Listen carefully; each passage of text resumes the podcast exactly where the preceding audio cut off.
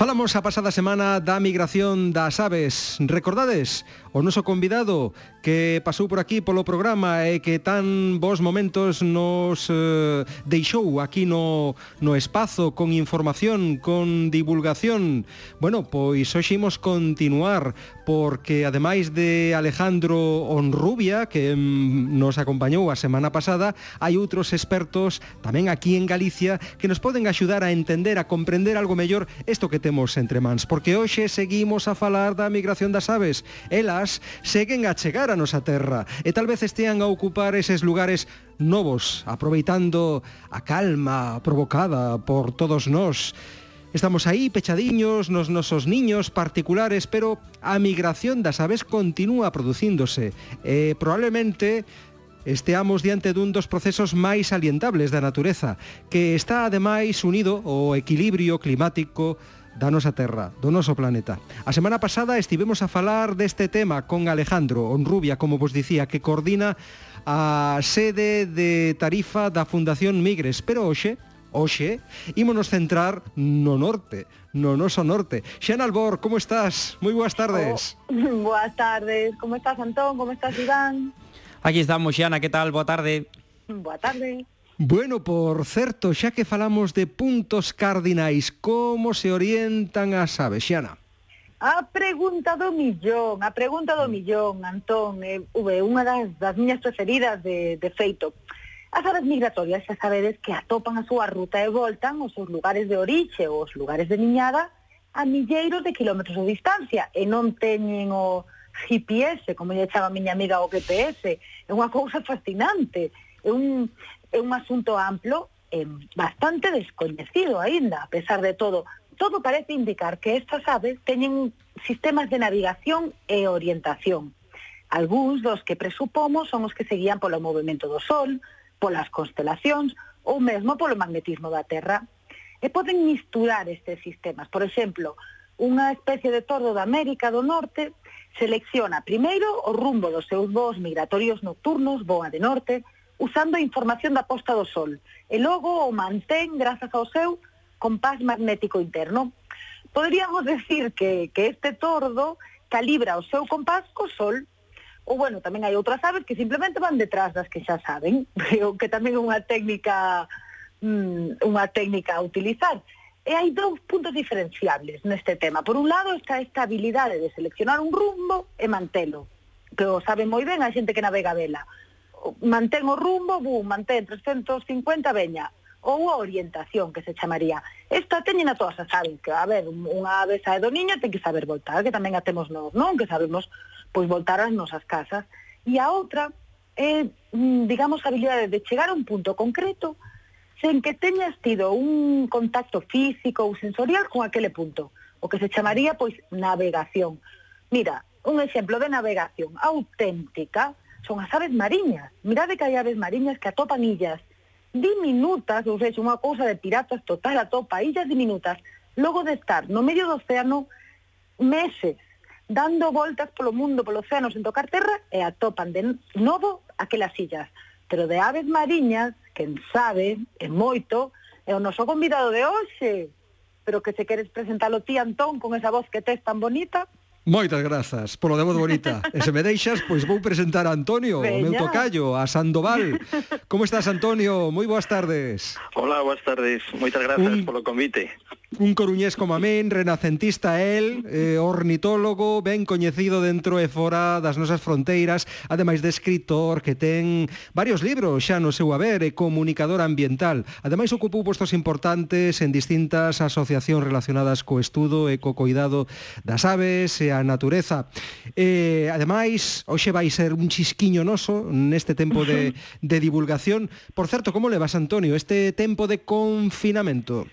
Bueno, pois eh, non é fácil, eh, porque para ninguén de nós o é, pero coa sorte de poder pasar tantas horas en, en familia, eh, de ter unha xanela coa que podo ver bastante horizonte e, por lo tanto, unhas cuantas especies de, de aves, e ter a casa tamén bastante chea de libros, co cual entre o traballo, estas cousas, pois van pasando os días razonablemente ben. Sí, a semana eh. pasada estábamos eh, comentando como nos acompañou un colega teu, Alejandro Onrubia, falou sí. dos millóns de aves que cruzan o estreito de Gibraltar, agora chegando do continente africano a procura dos seus lugares de niñada na Europa. Moitas delas chegan a Galicia, Antonio. Claro, moitas eh, delas. Moitas das aves eh, migratorias eh, que veñen de, de África ata Galicia para, pasan por ali. Sobre todo as máis planeadoras, as que teñen que facer ese cruce do estreito de Gibraltar que vos contaba Alejandro. Para empezar, as cigoñas, as cigoñas que temos aquí xa instaladas no interior de, de Galicia, moitas delas veñen de cruzar por aí. Algunas seca quedaron no sur de, de, mm, de España, pero a maioría delas cruzaron polo estreito de Gibraltar. De feito, cando teño estado ali, eh, estou vendo estar mirando eh, dende Tarifa a entrada de milláferes negros, que son unhas aves de, de rapiña que xa uh -huh. empezan a chegar aquí en febreiro, en marzo, sobre todo, eh, cando despois empezan a pasar as cobreiras, sempre penso, alguna destas igual a vexo dentro dun mes ou dous meses por, por Galicia. E, e, pode, e pode saudala tamén, Antonio, así... De, a, ah, podría ser curioso tamén, non? Poder incluso eh, saudalo ou mandarlle algo cando viras pasar para casa, eh, leva misto. Sí, sí, sí, imagínate. Eso eh, imagino que é algo que pensamos moitas veces as persoas que traballamos nas migracións de aves en lugares eh, concretos, eh, pensas, porque hai aves, xa sabedes, que son moi lonxevas, que viven moitos anos, eh, ves pasar moitos milleiros delas e, bueno, a cantas destas estarei, estarei visto eh, eu outro mm. ano neste mesmo lugar, non? Mm. E, a, e a pesar de non estarmos, Antonio, nun pescozo de, de botella, nun embudo como en Tarifa, sí que temos a sorte de recibir en Galicia moitas aves mariñas que chegan de lugares máis fríos. Contanos como é esa migración. Bueno, é unha migración moi interesante, porque aquí temos que pensar que Galicia é algo así como unha esquiña no mar, non? eh, pensar nestes ventos eh, de oeste que son os máis habituais eh, que, que, son, que nos traen as, as borrascas e nas aves que están a, a moverse de norte a sur e que por, por, eh, por motivo destes ventos son, digamos, como arrastradas cara as costas europeas entran no que é todo o enorme Golfo de Vizcaya e para sair do Golfo de Vizcaya polo mar, porque ellas non lles gusta nada andar por terra, pois teñen que doblar a esquiña de, de Galicia. Ao mesmo tempo, chegar aquí atopan unha cantidad de alimento no, no verán e no outono tremenda, porque é un afloramento oceánico no mar eh, interesantísimo que é o que vive tamén de, ao longo de ano toda a nosa xente do mar, non? Entón, aquí eh, andan de paso, están eh, comendo no outono eh, e despois marchan para, para o sur. As súas orixes, de todo tipo, hai aves que veñen de Canadá, hai aves que veñen de Siberia, pero moi ao leste de Siberia, eh, aves que veñen do Mediterráneo, como o, o probuchos balear, moi ameazada que aquí en Galicia é un lugar capital para a súa conservación, aves que veñen da, da Antártida, da, e das oh. illas, oh. da redor da, da Antártida, mesmo das islas, das illas Malvinas e, e, e do sur de, de Chile, É un lugar de cruce de camiños eh, increíble Galicia para, para as aves mariñas do Océano Atlántico. Xiana, pregunta. Pois eu pregunto, mira, un dos, agora que falas deste, de Galicia como lugar de observación de aves mariñas, é un dos varios libros que escribiches, e As aves mariñas destaca de Bares, un diario persoal.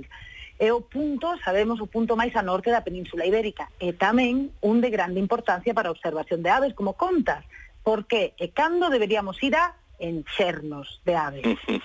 en, en, en prácticamente calquera momento do, do ano é estupendo para sentarse ali e eh, estar disfrutando dos mascatos, eh, das gaivotas, dos coros mariños, pero sobre todo eh, cando empeza a ter eh, moito atractivo para, para observar a partir de, de mediados de, do verán eh, a partir de finais de xullo e sobre todo a medida que eh, imos entrando cada, cara a mediados de agosto e finais de agosto e xa ata, ata mesmo decembro, xaneiro podemos atopar ali xornadas verdadeiramente espectaculares de paso de, de aves mariña estamos falando de, de milleiros e milleiros de, de aves mariñas. Os que traballamos ali no seguimento estimamos que ao longo do outono verano, outono pasan por ali máis, eh, en horas de luz nada máis, e segundo a, no, a nosas estimas, máis dun millón e medio de, de aves mariñas. Pero hai días en que, por exemplo, mascatos, mascatos que temos pasando 3.000, 6.000 mm. veces a, a hora.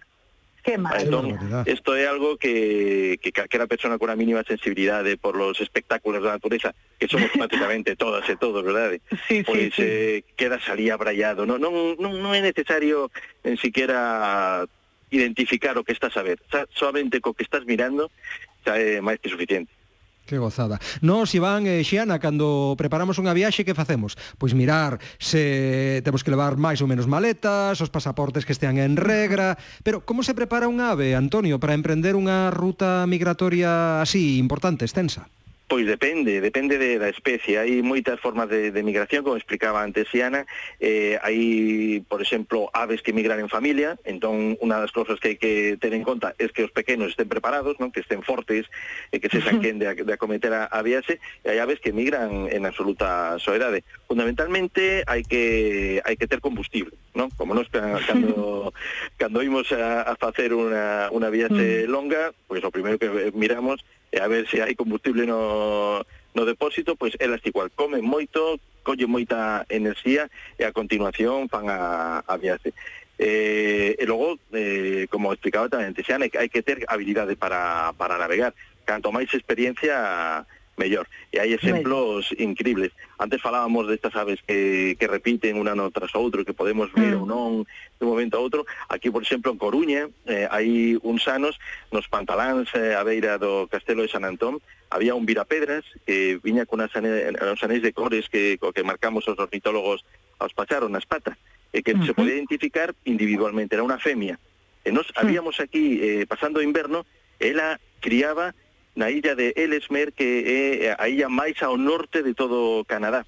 E ali oh. traballaba, estudaba a ela e a outras eh, a outros virapedras un eh, militar norteamericano. Estábamos en contacto. Eh, ela cando terminaba a temporada de cría e viña a pasar aquí o inverno, pasaba todo o inverno nun pantalán da zona do castelo de San Antonio Sallarí. Oh, de ali. que maravilla. cruzaba todo todo o océano e marchaba para ali. Increíble. Gustáballe, gustáballe o sitio, eh? Sí. eh, Antonio, comentabas agora pois co, circunstancias como esta ou mm, que falabas antes de da lonxevidade que podían ter tamén a, as aves, eh, cales eh, serían ou son as claves que teríamos tamén que ter en conta para protexer estas aves migratorias aquí en Galicia? Bueno, eh, eh, eh, eh habería que ter en conta as que necesitamos para protexernos nós Vale, porque mm. estamos a falar das paisaxes, eh, de, da loita contra a crise climática, de un equilibrio ecolóxico en todas partes. Eh, se non protexemos as aves, se non somos, somos quen de protexer as aves, vai ser moi difícil que sexamos capaces de protexernos nos. Eh, eh, temos que de, volver a unha sensibilidade de conservación da, da mm. natureza, algo a, absolutamente fundamental. Facer un esforzo eh, tremendo de educación ambiental de cada un de nós eh, empezando por los cativos, pero tamén os decisores. Os decisores mm. do máis alto nivel público e privado teñen que empezar a, a convencerse de que hai que traballar por un equilibrio coa, coa natureza. Isto significa, pois, pues, entre outras cousas, por exemplo, recuperar a, a, a identidade das nosas paisaxes. Eh, hai moitas paisaxes da campiña tradicional de Galega, Galega que foron sustituídas polos eucaliptos. Vale, mm. nos eucaliptos non hai moitas aves eh, en xeral e moi poucas aves migratorias. Pon ocupando o lugar de, de, de, de nós, das, eh, das persoas que traballamos no campo, e tamén o lugar de moitas especies de, de flora e fauna. Bueno, hai que repensar, eh, mm. penso que este momento que, que temos tantas horas para reflexión, verdad? hai que repensar a relación que tivemos co, coa natureza da que formamos eh, parte, eh, e as aves eh, son ideais para, para facilitarnos esta reflexión.